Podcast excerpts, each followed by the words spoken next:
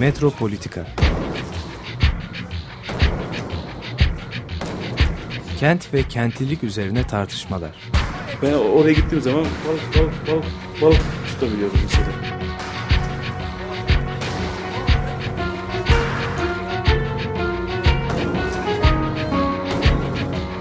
Hazırlayan ve sunanlar Aysim Türkmen ve Deniz Gündoğan İbrişim. Kolay kolay boşaltamadı. Yani elektrikçiler terk etmedi Perşembe Pazarı merkezini.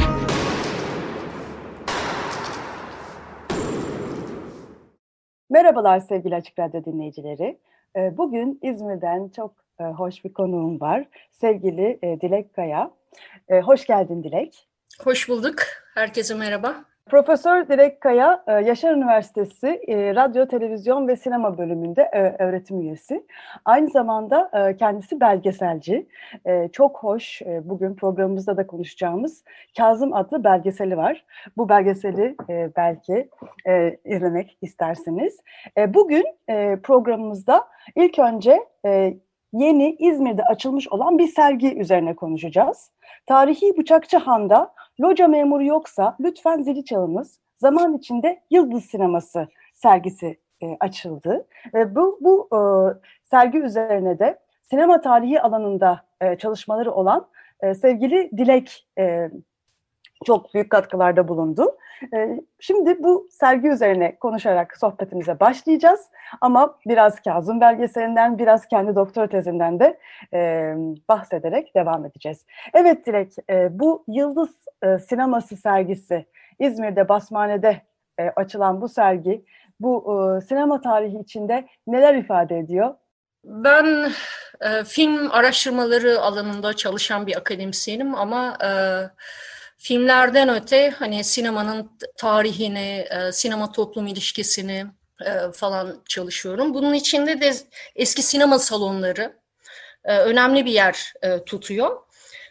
Yıldız sineması benim daha önce yani 2-3 yıl önce aslında üzerine bir bilimsel araştırma projesi de yürüttüğüm bir sinemaydı. İzmir'in hani İzmir'in sinema hayatında 1950'lerin başından 80'lerin sonuna kadar faaliyet göstermiş e, çok popüler, e, önemli bir sinema e, aslında.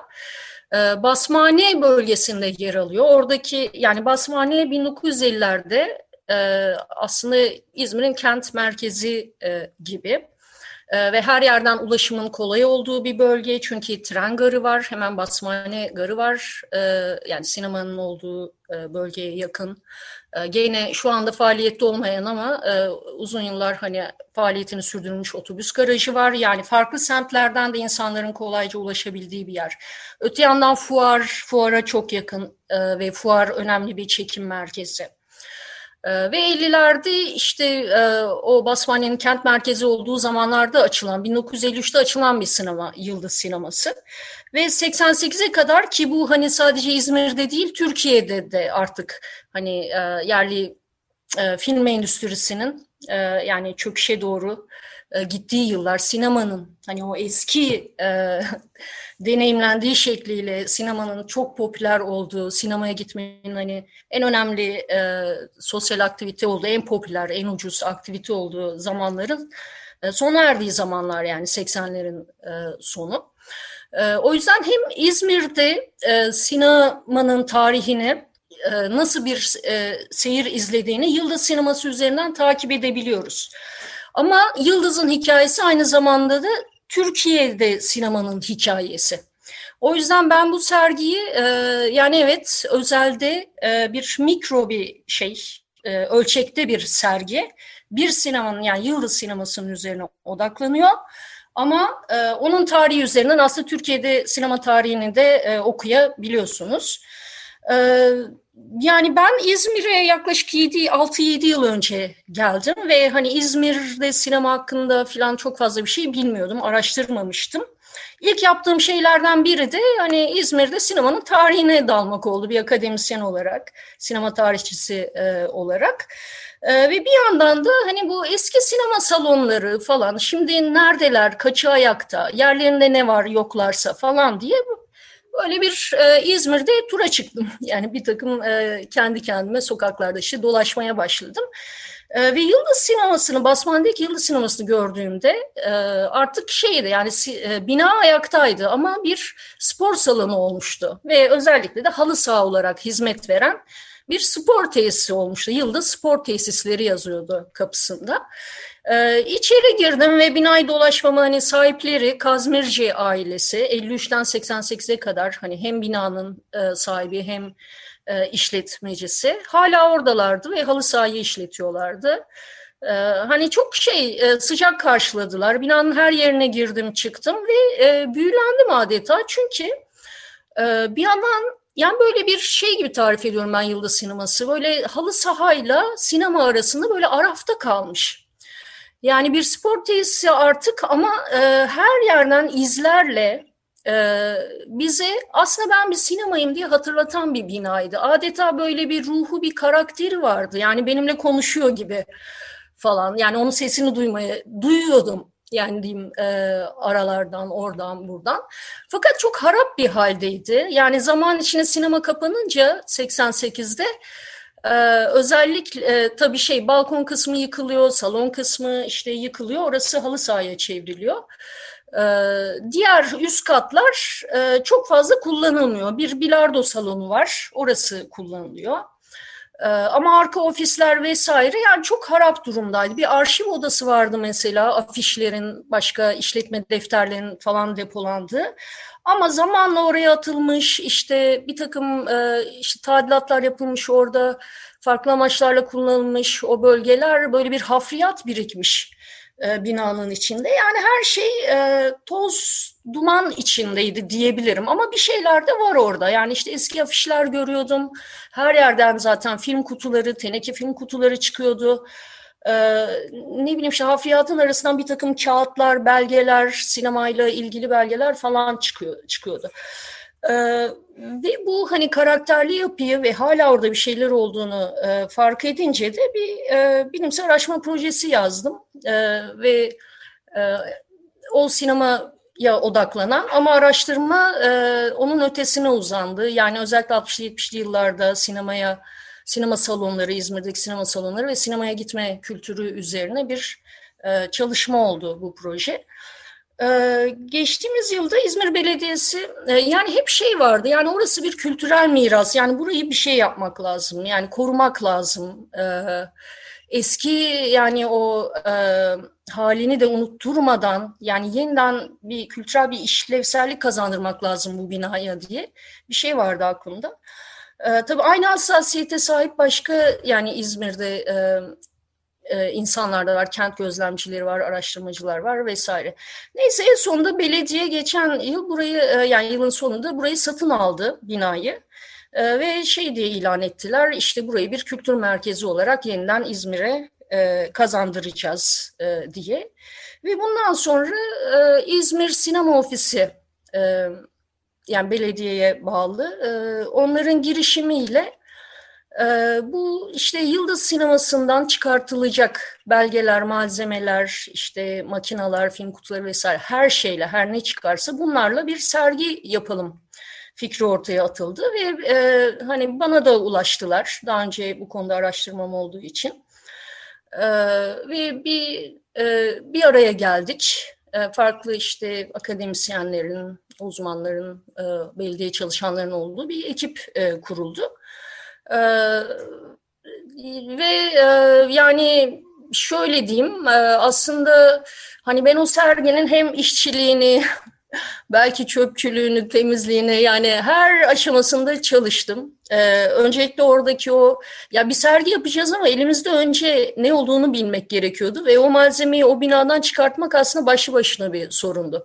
Yani adeta bir arkeolog gibi yani bir kazı yapar gibi ya da işte bir tavan arasını böyle karma karışık e, temizler gibi e, günlerce orada e, yani e, ayıklama yapmak durumunda e, kaldım. Daha sonra işte o yani 6 ay kadar sürdü e, serginin hazırlığı ki çok daha uzun da sürebilirdi.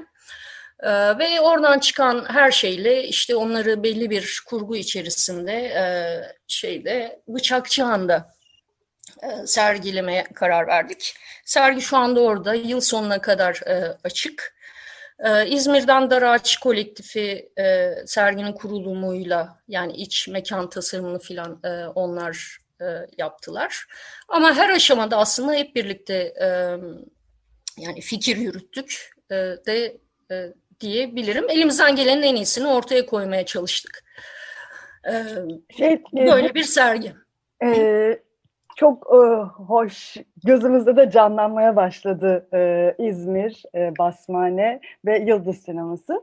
E, şimdi e, 50'lerde 60'lardaki bu e, sinema e, dönemine baktığımız zaman aslında e, bildiğimizden çok farklı e, şeyler de çıkmaya başlamış. Sen bu arkeolojik kazıdan çıkardığın belgelerle çok enteresan e, aslında şeyler bulmuşsun. İşte faturalardan, fişlerden, o film şeritlerinden e, hani bildiğimizden çok farklı, e, bambaşka e, veriler e, çıkmış.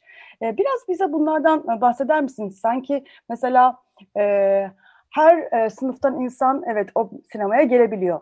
Ama o sinemada nasıl e, var oluyor, nasıl zaman geçiriyor? Hı hı. Ee, yani özellikle e, şimdi sinemadan geriye kalan çok sayıda işletme defteri var. Muhtemelen hani mali hesaplar falan olduğu için saklanmışlar. Ee, mesela e, afişler daha çok 70'lere 80'lere e, ait afişler ama yani 50'lerden falan hiç afiş kalmamış. Ya da lobi kartları falan da öyle daha çok yani 60'ların sonundan başlıyor falan. Yani sinemanın ilk dönemlerine dair çok bir şey kalmamış. Ee, ama işletme defteri olarak yani 1900 e, işte 50'lerden bir defter çıktı mesela. Acayip kötü durumda vesaire.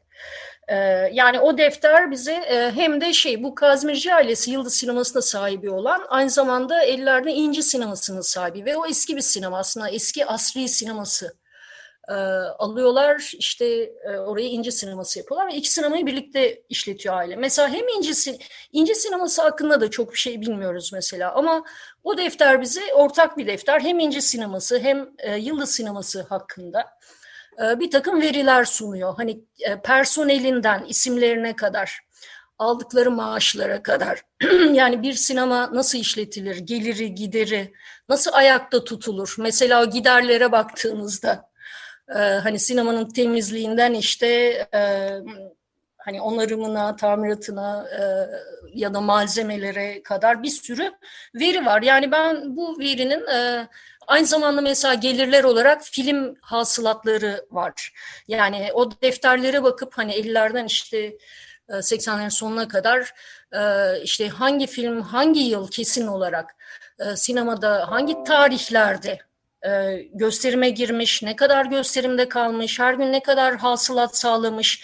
Yani bunlar hani Türkiye'de sinema tarihi çalışan insanlar için o kadar böyle e, bulunmaz veriler ki. Yani çok zor bu tür verilere ulaşmak. E, yani böyle bir e, arşiv oluştu aslında. Hani öğrencilerin, akademisyenlerin de hani gelip çalışabileceği. Biz o defterleri falan koruma altına e, aldık. Evet mesela faturalardan e, efemera öte yandan işte bir takım faturalar e, yani büfe faturalarından e, film şirket yani satın alınan gösterim için işte hakları satın alınan filmlere kadar onların faturaları da e, çok fazla şey e, söylüyor. E, o e, malzeme bir kere e, yani sadece sinema tarihi için değil bence Türkiye'de hani grafik tasarım tarihi için de çok değerli malzemeler. Yani ne bileyim film şirketlerinin e, hani logoları, tasarımlar, şunlar bunlar. E, ya genel olarak o, o tür efemerik malzemeyi çok e, önemsiyorum e, ben. Ee, içerik olarak da mesela o faturalara baktığımızda hep şey vardır. Hani bir e, yani Yıldız'da işte diğer bir sürü sinema gibi hani ekonomik krize girdiği e, dönemlerde yani 70'lerden itibaren bir takım erotik daha sonra hani seks filmi denen tırnak içinde e, bir takım filmler e, göstermek zorunda e, kalıyor mesela. Ee, ama hani şeyi bilmiyoruz yani bunlar ne oranda gösterildi, hangi şirketler hangiden hangi filmler alındı, kaç hafta gösterildi ve vesaire. Hem defterlerden hem faturalardan bir takım böyle net bilgiler edine biliyoruz. Yani e, ne bileyim işte Emanuel filminin mesela da yıldızla gösterime girdiğini o faturalardan tespit edebiliyoruz.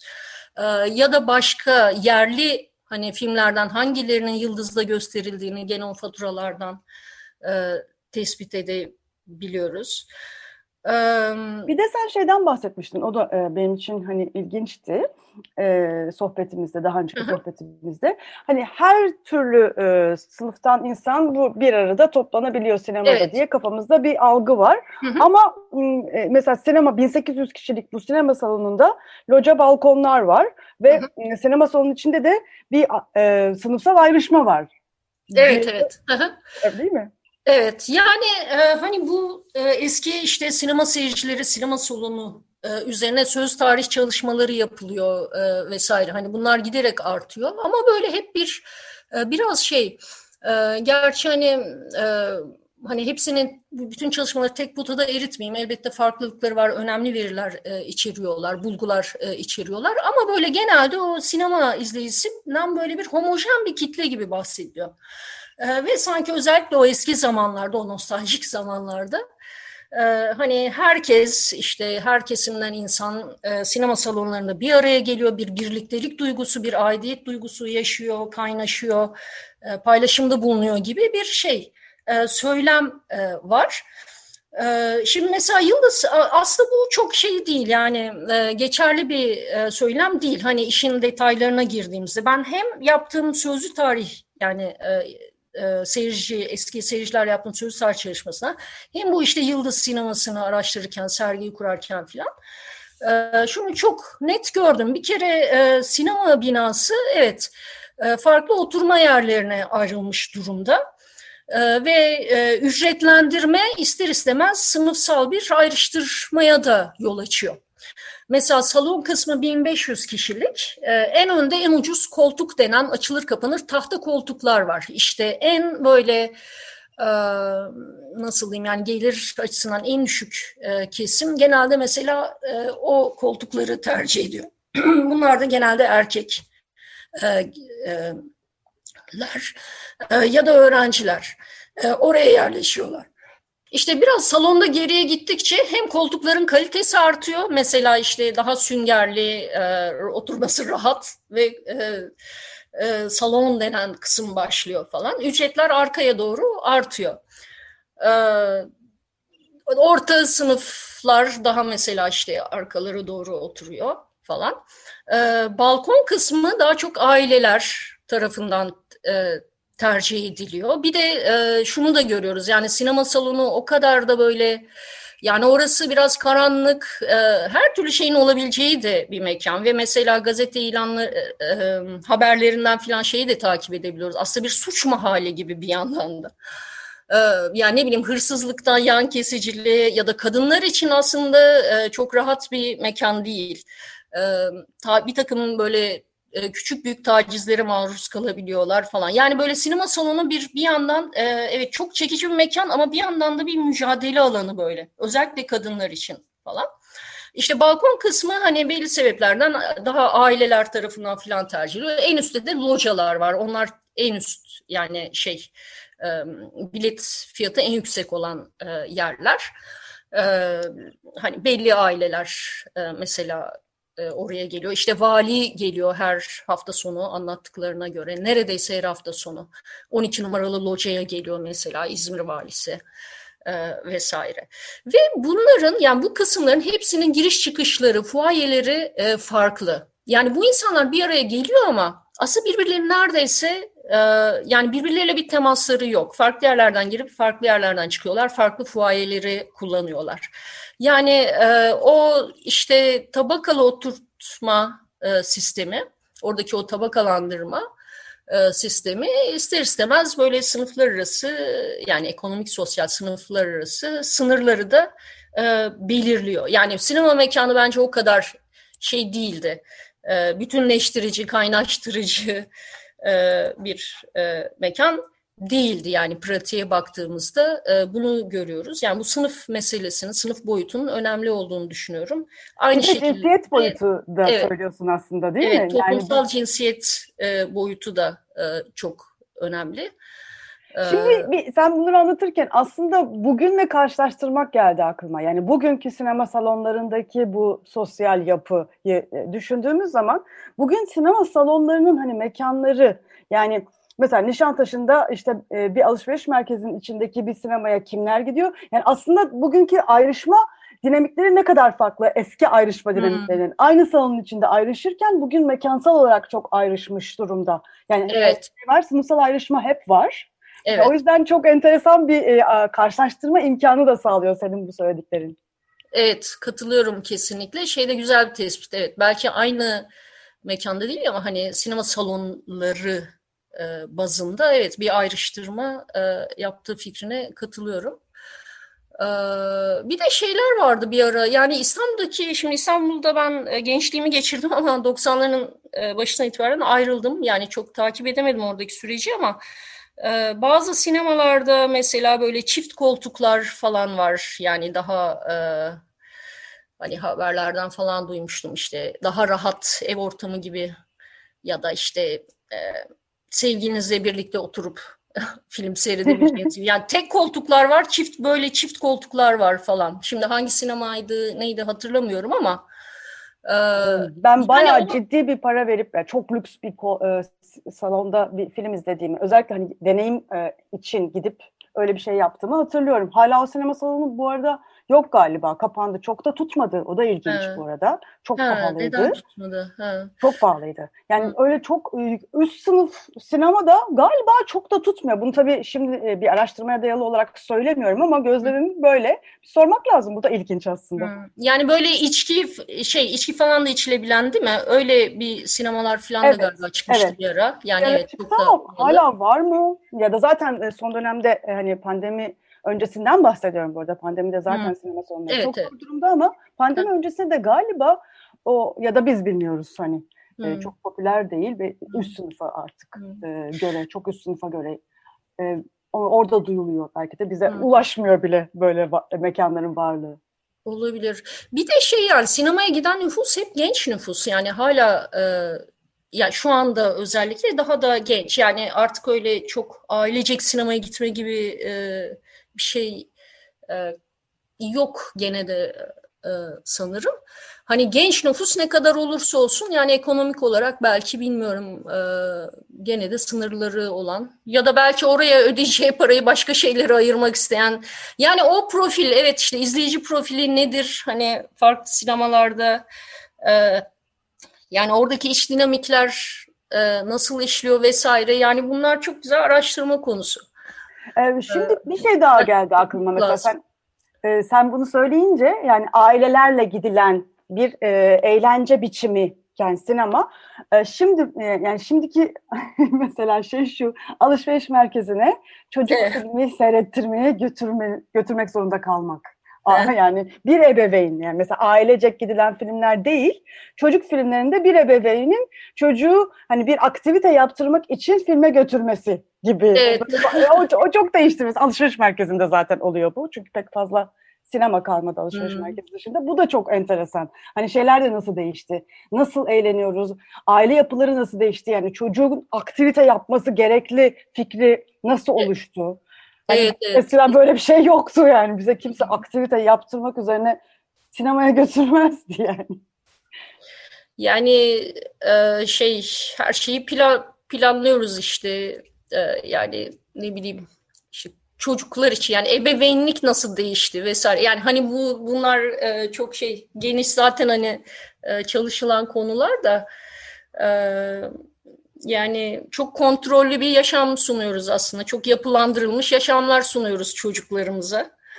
Ee, daha çok hani işte kurslar, aktiviteler, şeyler. E, yani bunlar hani tarih içinde biraz da böyle yani zaman içinde e, hani söylemsel olarak da böyle kurguladığımız şeyler bence önem kazanan, önemliymiş gibi ve e, olmayınca sanki böyle kendimizi eksik hissettiğimiz e, şeyler gibi. Ee, onun için de evet şey hani çocuğu e, sinemaya götürme ya da işte çocuk sinema izlerken filmde çok küçük değilse e, onu orada bırakıp orada hani gene de birlikte izlemiyorsunuz mesela yani hani öyle insanlarda çok fazla biliyorum hani ya da arkadaşlarla bir sinema şeyi düzenleme çocuğa Eskiden olan şey tamamen evet çok, çok değişti aslında. O çok ilginç yani. Hakikaten o aile sineması şeyi bitti. Hı hı. Beraber seyredilecek. Yani herkesin kendi filmi var. Şey gibi hı hı. televizyonlarda ayrıştı ya herkes ayrı odalarda, evlerde. Evet. Kendi kanallarını seyrediyor ya da artık dijital kanalları seyrediyor hı hı. genç nüfus. Evet. Ee, böyle hani ee, bu ayrışma da ailenin içinde de bir ayrışma, eğlence anlamında ayrışma evet. da ilginç. Farklı. Ve karşılaştırma olanağı sağladığı için de senin araştırman e, çok enteresan bir şey sağlıyor bize. Hani böyle eğlence kültürü nasıl değişiyor? Hı. Tabii o tabii. Mekanlar nasıl değişiyor? Mekansal e, sınıflandırmalar nasıl değişiyor? Hı hı. İstersen e, bu çok keyifli sohbete kısacık bir ara verelim ve e, tamam. bir müzik parçası dinleyelim.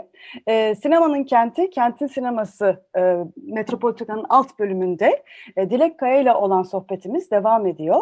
E, Yıldız Sineması e, sergisi üzerine konuşuyoruz. Kendisi ve e, Zuhal Çetin Özkan'ın oluşturduğu bu sergi Tarihi Bıçakçı Han'da e, şu anda açık. İzmir'de Basmane'de de e, bu sergiyi gezebilirsiniz. E, şimdi gene e, Dilek Kaya'nın çekmiş olduğu Kazım belgeselinden bir parça dinliyoruz. Wishbone Ash'ten Leaf and Stream.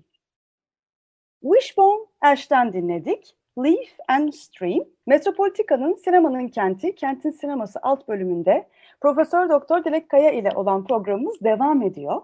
E, programda e, ilk bölümde Tarihi Bıçakçı Han'da, İzmir Tarihi Bıçakçı Han'da e, açılmış olan Loca Memuru Yoksa Lütfen Zili Çalınız zaman içinde Yıldız Sineması sergisi üzerine konuşuyoruz. Bu sergiyi e, Dilek Kaya ile birlikte Zuhal Çetin Özkan ve Dilek Tunalı e, düzenledi. Aynı zamanda İz, İzmir Belediyesi'nin de e, binasında e, oldu bu sergi. Ondan da bahsedelim. İzmir Büyükşehir Belediyesi'nin de katkılarıyla oldu. E, ve danışmanları e, Dilek Kaya, Zuhal Çetin Özkan ve Dilek Tunalı'ydı.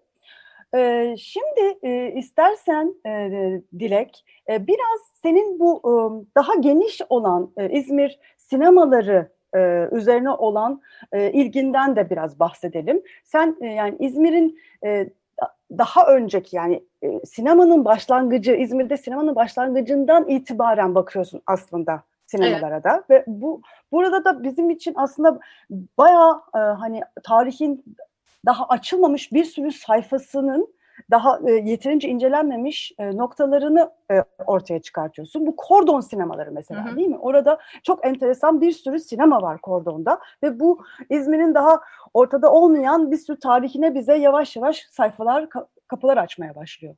Hı hı. Ee, şöyle ben aslında Yıldız Sineması'na gelmeden e, ilk galiba şeyle zaten ilk kordon sinemalarını çalıştım. Daha doğrusu şöyle diyeyim yangın öncesi hani büyük 1922 e, de e, olan yangın öncesi e, İzmir'de sinema kültürü, sinema salonları e, onu çalışarak araştırmaya daha doğrusu başladım. Aslında şunu keşfettim yani İzmir'in aslında İstanbul'la başa baş hani bir ve neredeyse sinemanın hani icadıyla başlayan bir tarihi var. Çok zengin bir sinema tarihi var ve ilk sinema salonları da o kordonda kordon üzerinde 1800 e, pardon 1908'den e, itibaren yani İstanbul'a eş zamanlı olarak e, açılmaya başlıyor. Daha önce hani gezici film gösterimleri vesaire mesela ilk film gösterimi olarak işte hani 1895'in hani seyirciye gösterilen ilk film olarak dünyada sinemanın başlangıcıysa hani Paris'te Grand Cafe'de yani öyle kabul edilen hani başlangıç diyeyim çoğunlukla. Ee, o 1895 ise İzmir'de hemen 1896'da mesela Apollon Club diye bir e, işte jimnastik kulübünde e, şey yapılıyor, gösterim e, yapılıyor. E, yani dünya sinema tarihine aslında ve Türkiye'de sinema tarihine paralel gelişen zengin bir sinema tarihi var. E, ve bu sinemaların aslında hepsi e, gayrimüslimler tarafından tabii e, işletiliyor. E, daha sonra bir tane e, Milli Kütüphane sineması açılacak. Ee, ve o da Elhamra sineması olacak. Yani onun dışında hepsi gayrimüslimlere e, ait, Rumlara e, özellikle. Ee, ve yangın e, bu tabii İzmir bir liman kenti. Yani hani o yangın öncesi dönem çok kozmopolit etnik açıdan çok zengin. Zaten kent de böyle. O etnik zenginliği e, de e, hani yansıyacak şekilde bölgelere mahallelere ayrılmış. İşte Ermeni mahallesi Yahudi mahallesi Rum mahallesi ne bileyim Frank mahallesi gibi bölgelere ayrılmış. E, bu kordon daha çok Levantenlerin e, yani yoğun biçimde yaşadığı bir bölge ve kentin aslında hani sosyo-kültürel aktivite merkezi gibi. Hatta işte gezginler mesela yabancı gezginler o kordonu falan hani sanki Doğu'nun Paris'i gibi tarif etmişler. E, çok aktif bir sosyokültürel yaşam var. Sinema salonları da bunların içinde yer alıyor. Ve fakat yangında bu sinema salonların iki tanesi hariç hepsi gidiyor. Yani yangının ulaşamadığı iki tane e, sinema var. E, bunlardan biri Sinepallas, e, diğeri de Parizyon diye böyle neredeyse yan yana iki sinema. Ama bunlar da e, hani fiziki olarak yangından kurtulsalar da e, söylemsel olarak hayatlarına devam edemiyorlar. Çünkü zaman içinde el değiştiriyorlar. Yani mülkiyet geliştiriyorlar. Değiş, e, değiştiriyorlar ve biraz millileştiriliyorlar. Milliyetçi bir söylemin içine hapsediliyorlar diyebiliriz. Mesela e, Sinepallas daha sonra Tayyare Sineması oluyor. O binayı Tayyare Cemiyeti alıyor. E, işte Parizyon Sakarya Sineması e, oluyor ve o geçmiş tarihleri aslında e, zaman içinde unutuluyor. Ama mesela Sinepallas'ın şöyle bir önemli rolü var. E, işte şey denir yani Beda Muvahhid'in e, bir oyunu hani sahneye çıkıp ve tamamlayan ilk Müslüman Türk kadın tiyatro oyuncusu olduğu söylenir. İşte bu da Atatürk'ün zaten hani e, inisiyatifiyle olmuştur. İşte e, Beda Muvahhid'in mesela Sinepallas'ta ilk sahneye çıktığı e, söylenir. E, yani ama e, bu kadar yani Sinepallas adının sadece bu e, hani biraz böyle işte e, biraz da böyle milliyetçi diyeyim e, anlatının içinde ancak e, duyabiliyoruz. E, yani Beda Muvahhid'te hani e, ten dolayı Sinepallas'ın sadece adını hatırlıyoruz. Ee, yani bu yangın zaten hani İzmir'in tarihi bir kopuş e, diyelim ama ben o dönemi yani yangın öncesini e, çok önemsiyorum ve şey e, mümkün olduğunca işte o dönemi o dönemin sinemalarını e, ya ulaşabildiğim e, her türlü kaynak arşiv malzemesinden e, yeniden e, kurmaya çalışmıştım. Öyle de bir makale e, yayınlamıştım. E, bir kitap bölümü yabancı bir e, kitapta. E, yani o tarih kayıp sinema tarihi diyeyim. İzmir'in böyle kayıp bir sinema tarihi de var ve çok araştırılmaya, yazılmayı e, bekliyor hala. Ben e, aslında sen İzmir'in kayıp tarihi diye düşünüyorsun ama ben e, dünyadaki modern e, kentin kayıp tarihi diye düşünüyorum bu alanı bir yandan da.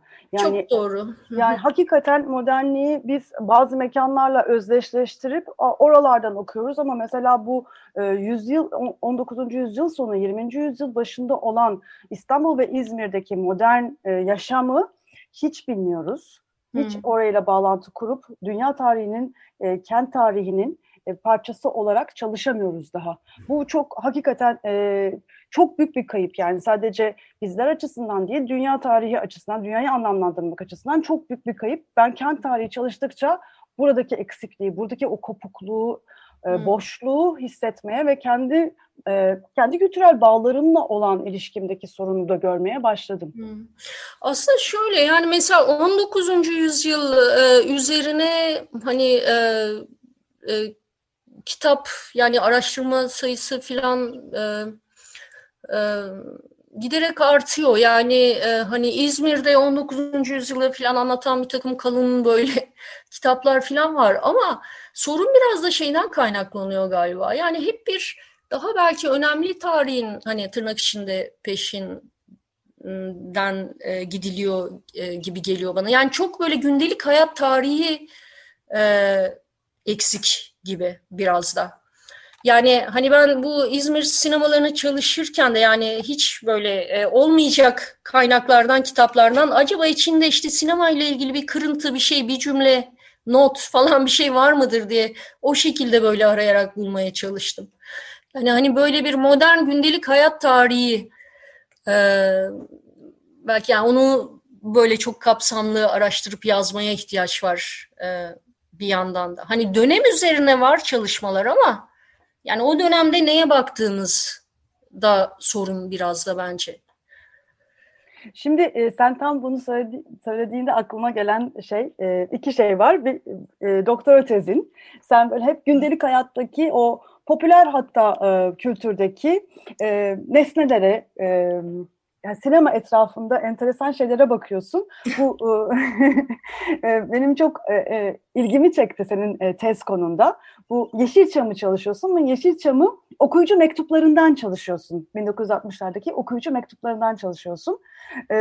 Burası da çok enteresan bir arkeolojik çalışma alanı gibi değil mi? Orada da bir yani hep böyle bir arkeoloji var senin e, yaptığın sinema tarihi çalışması. Ben seviyorum evet. Ee, hani arayıp bulmayı, peşinden gitmeyi böyle biraz böyle dedektiflik oynamayı ee, bundan zevk alıyorum. Yani böyle bir hep e, böyle bir süreçte ilerliyor yani benim şey e, araştırmalarım.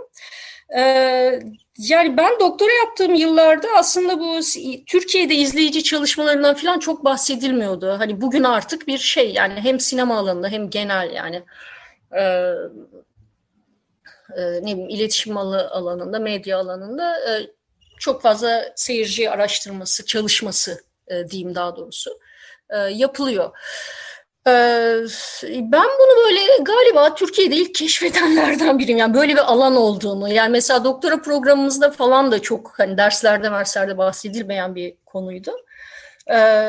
Çünkü görece kendisi yeni bir alan. Yani işte 80'lerin sonundan itibaren hani kültürel çalışmaların da etkisiyle, yükselişe geçişiyle, gelişimiyle bir izleyici, yani audience studies, izleyici araştırmaları gibi bir şey gündeme geliyor akademide, e, diyelim.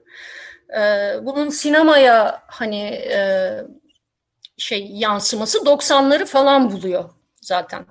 E, işte ben de e, 99-2003 yılları arasında doktora e, yapıyordum. Bu alanı keşfettim ve Yeşilçam e, bir yandan işte Yeşilçam'ı da keşfetmişim. Hani eskiden daha böyle yani işte yüksek lisans tezimi Peter Greenaway filmleri üzerine yazarken e, ne bileyim doktora tezimi Yeşilçam üzerine yazmaya karar verdim. Orada da hani okulda aldığım bir melodram dersi Nezih Erdoğan'ın verdiği çok etkili olmuştu. Ee, vesaire. Yani Yeşilçam'ı bir olay olarak ben çok önemsedim. Yani sosyolojik bir olay olarak, toplumsal bir olgu olarak. Ee, ve seyirciye çalışacağım ama nereden e, çalışacağım falan. Ve aklıma işte e, bir yandan eski dergileri çok karıştırıyorum falan. Ve orada işte izleyici mektuplarına denk geldim. Ee, bu izleyici mektupları hep yani izleyici köşeleri hep var aslında. Yani 30'lardan itibaren mesela eski Yıldız dergilerinde falan da okuyucu soruları, e, mektupları falan diye köşeleri rastlıyorsunuz. Ama iki tane dergide 60'lı yıllarda işte 70'ler falan e, bayağı izleyici mektuplarının basıldığını fark ettim. E, tabii kesmeler olabilir ama orada bir veri e, vardı. E, ve o mektuplar üzerinden hani e, Yeşilçam'a bakmaya, Yeşilçam'ın toplumsal deneyimine e, bakmaya karar verdim. E, öyle bir tez, yani doktora tezi e, yazdım. Hani bir olay olarak e, Yeşilçam, Yeşilçam'da işte, e, döneminde işte sinema seyirci ilişkileri falan gibi bir tez ortaya çıktı. E, yani çok eğlenceli mektuplardı bir yandan diyebilirim. E, ama şey, e, yani mesela Oradan da şöyle bir önemli bulgu çıkmıştı. Gene bunu da böyle moderniteye falan da bağlayacak e, e, bir yerden bağlayabiliriz. Mesela yıldız hayran ilişkilerine baktığınızda hani hep e, böyle yıldız çalışmaları hani o da bir alan. Genelde böyle sinema yıldızı işte hani yukarıda tepelerde insanların böyle onun dünyasına kaçmaya çalıştığı hani bir şey olarak bir imge olarak bahsedilir yıldızdan. Ee, ve ya uluslararası literatürden böyle bir takım kavramlar, e, çerçeveler ödünç alıp onları bizdeki yıldız çalışmalarına böyle adeta hani empoze eden bazı çalışmalar da var. E, ama ben mesela izleyici mektuplarına baktığımda çok farklı bir izleyici hayran ilişkisiyle karşılaştım. Yani bir yandan o evet gökteki yıldız hani uzakta işte hayatıyla o modern e, işte varlık içindeki o zengin hayatıyla filan bir şey çekim merkezi ama öte yandan hani insanların hitap ediş şekillerine, sordukları sorulara, yaptıkları yorumlara filan baktığımda e, böyle yıldızları şey gibi sanki mahalleden abimiz, ablamız e, ya da ne bileyim işte e, komşumuz e, falan gibi yazdıklarını gördüm. Yani bir e, o yıldız hayran e, ilişkisi bizdeki yıldız hayran ilişkisi Yeşilçam dönemindeki o Hollywood ve hani onun işte e, Avrupalı işte Amerikalı izleyicileri arasındaki hayran ilişkisine pek benzemiyordu. E, ve oradan da şöyle bir kavram e, ürettim. Yani bizimkiler aslında şey yapmaya çalışıyorlar. Hani o yıldızı aslında e, tekrar eve getirmeye çalışıyorlar. Yani ona evini gösteriyorlar. Hani sen bur buradasın ya da benim evimdensin. E, gibi. Hani onların dünyasına kaçmak yerine bizimkiler bilakis onları eve getirmeye çalışıyorlar falan gibi öyle bir şey geliştirmiştim. Ee, e, yani bir tartışma e, yürütmüştüm. Ee, yani o mektuplarda da işte bambaşka bir yerden belki hani önemsiz denebilir o malzemeye yani e, ya da işte geçerlilikleri sor yani gerçeklikleri sorgulanabilir vesaire e, otantisiteleri sorgulanabilir bilmem ne ama e, ki onu da yani kontrol ettim onu da söyleyeyim. E, ama şey yani bu tür pek aklımıza gelmeyen ya da ilk e, bakışta ciddiye almayacağımız malzemelere bakıp böyle biraz e, hani bildiklerimizi sorgulamak, sorgulanabilir olduğunu e, göstermek falan benim hoşuma gidiyor. Ya da bir takım alternatif söylemler üretmek, üretilebileceğini göstermek e, hoşuma gidiyor e, diyebilirim. Önemsiyorum daha doğrusu hani basitçe hoşuma gidiyor değil bunu önemli buluyorum. Bu şey de çok hoş, e, bu tespitin de harikulade bence yani yıldızlarla olan o seyircinin ilişkisi, yani yıldızları gökten e, e, indirip eve getirmeleri seyircinin dediğin şey harikulade hakikaten. Bir şey daha e, hani belirtiyorsun, bence bu da önemli. E, Yeşilçam'la ilişkimiz yani hepimizin aslında yanlış söyledim. Hepimizin değil. Aslında daha hani e, üniversiteli, daha entelektüel kesimin Yeşilçam'la ilişkisinde bir enteresan ambivalans, bir muğlaklık var. E, bir yandan hani biz de e, evimizin bir parçası gibi hani siyah beyaz filmler, işte Ayhan Işıklı filmleri hani bir yandan e, hayatımızın, evimizin bir parçası gibi görürken bir yandan da çok üstten bakarak dalgasını da geçebiliyoruz. E, tepeden bir bakışla onlarla farklı bir ilişki de kurabiliyoruz. Sen de bunu dile getiriyorsun tezinde. E, bu bu e, yani aşk nefret ilişkisi diye söylüyorsun. Bu hmm. da enteresan. Burası da çok önemli. Kendi aslında e, yaşamlarımızla, gündelik yaşam e, tarihimizle bir ilişki açısından bu da çok önemli. Hı hı. Yani e, Yeşilçam hep eleştirilmiş aslında. Mesela bu izleyici mektuplarında da şey var. E, ama böyle bir bu bir söylem yani hani biraz böyle entelektüelizmle e, iç içe geçmiş falan belli belli söylemler, eleştirel söylemlerden bir tanesi hani zaten entelektüellere yani eleştirmenlere hiç yaranamamış ki e, Yeşilçam. Yani bu tarihsel bir şey söylem işte sanat tarafı yok işte ticari bilmem ne ya da halkı uyutuyor falan gibi hani bir kitle kültürü ürünü gibi hep e, yorumlanmış. E, yani ve o e, ha, zaman içinde bu belki bir daha kucaklaştık yani şeyle yeşil e, hem ya ben şeyi de hatırlarım mesela bazı Yeşilçam starlarının bir zamanlar e, ben filmlerime şimdi isim vermem doğru olur mu bilmiyorum ama hani bir panelde çok ünlü en büyük kadın diyeyim Yeşilçam yıldızlarından bir tanesi.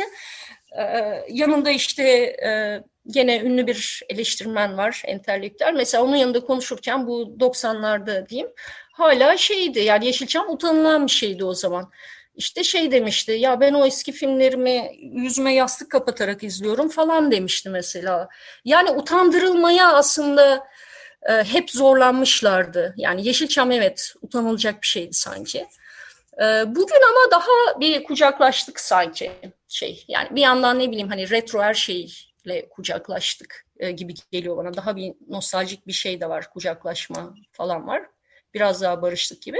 Ama evet öyle bir kararsızlık gene de e, devam ediyor gibi. Yani biz tezimizi yazarken bile yani Yeşilçam üzerine tez yazmak yani böyle eften püften şeylerle mi uğraşılır hani orada şu şu şu konular ya da şunlar varken gibisinden.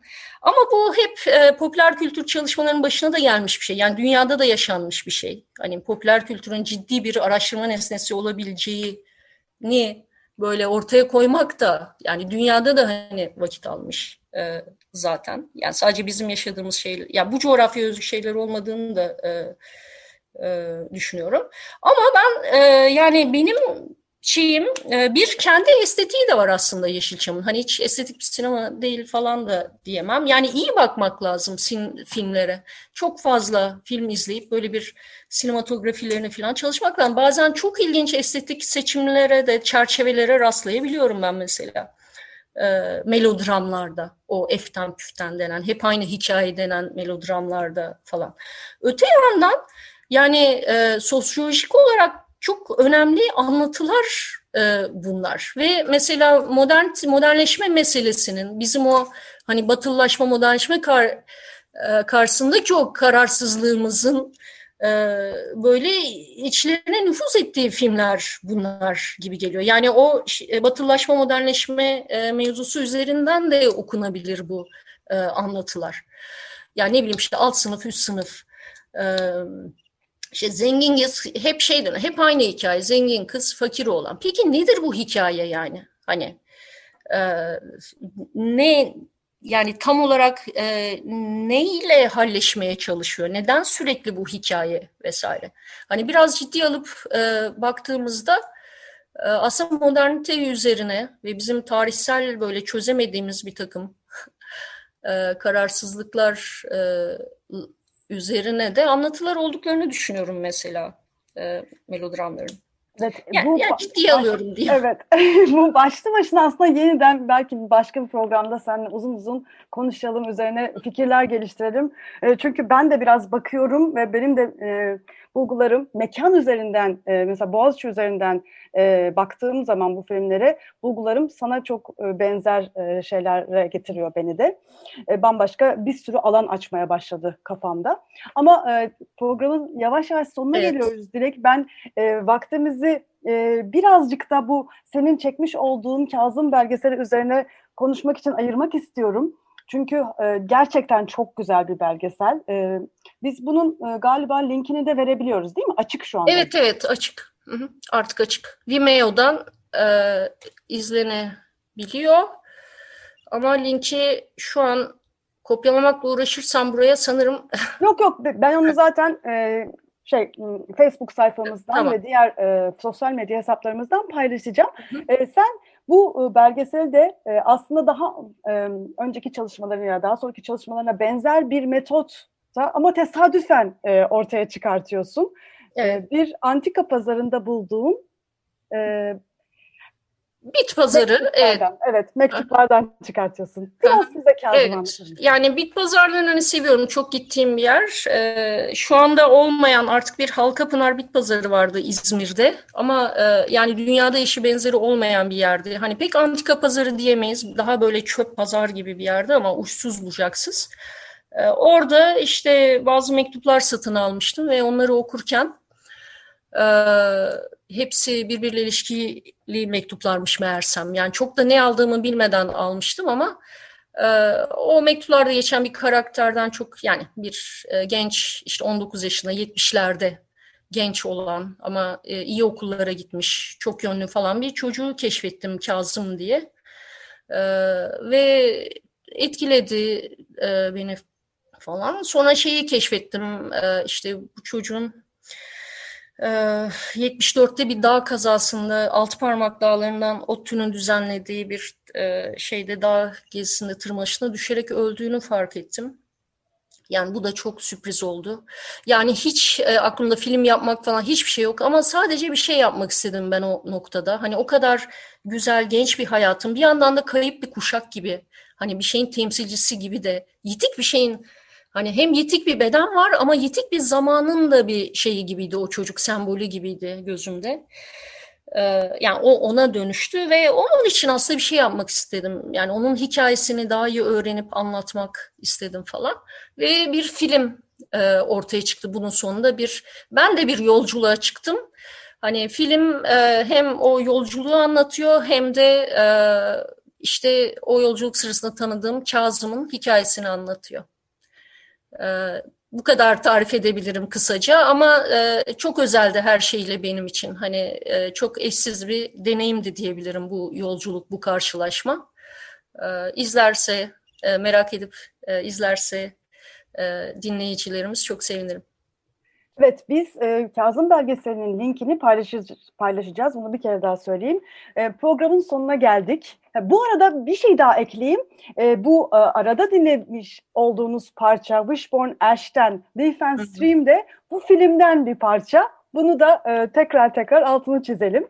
E, öyle dinleyin, e, öyle dinlemiş olun e, bu parçayı da. Belki tekrar da dinlemek istersiniz. E, o dönemi de hissettiriyor e, o müzikler. Yani filmdeki müzikler de ayrıca çok hoş, çok keyifli. Ee, Kazım, e, araya gireceğim ama Kazım çok iyi bir rock müzik dinleyicisi bu arada 70'lerde. Evet. evet. Bir grubu da var. Böyle küçük küçük şeyler verelim ki e, dinleyicilerimiz izlesinler belgeseli de merak ettirelim. Ee, sevgili Dilek Kaya çok teşekkür ederiz. Bize böyle hem İzmir'i açtın, hem Yeşilçam'a götürdün, hem Kazım'a götürdün. Bu harikulade sohbet için çok çok teşekkürler. Tekrar tekrar programımızda görmek isteriz e, seni. Ben çok teşekkür ederim Açık Radyo'ya, sana e, yani bu güzel programa. İyi ki böyle bir şey var. Çok teşekkürler. Evet, e, bu haftalıkta bu kadar diyoruz. İyi haftalar.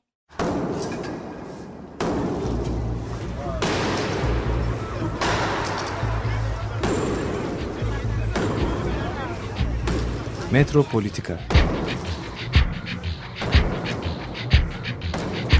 Kent ve kentlilik üzerine tartışmalar. Ben oraya gittiğim zaman balık balık balık balık tutabiliyordum mesela.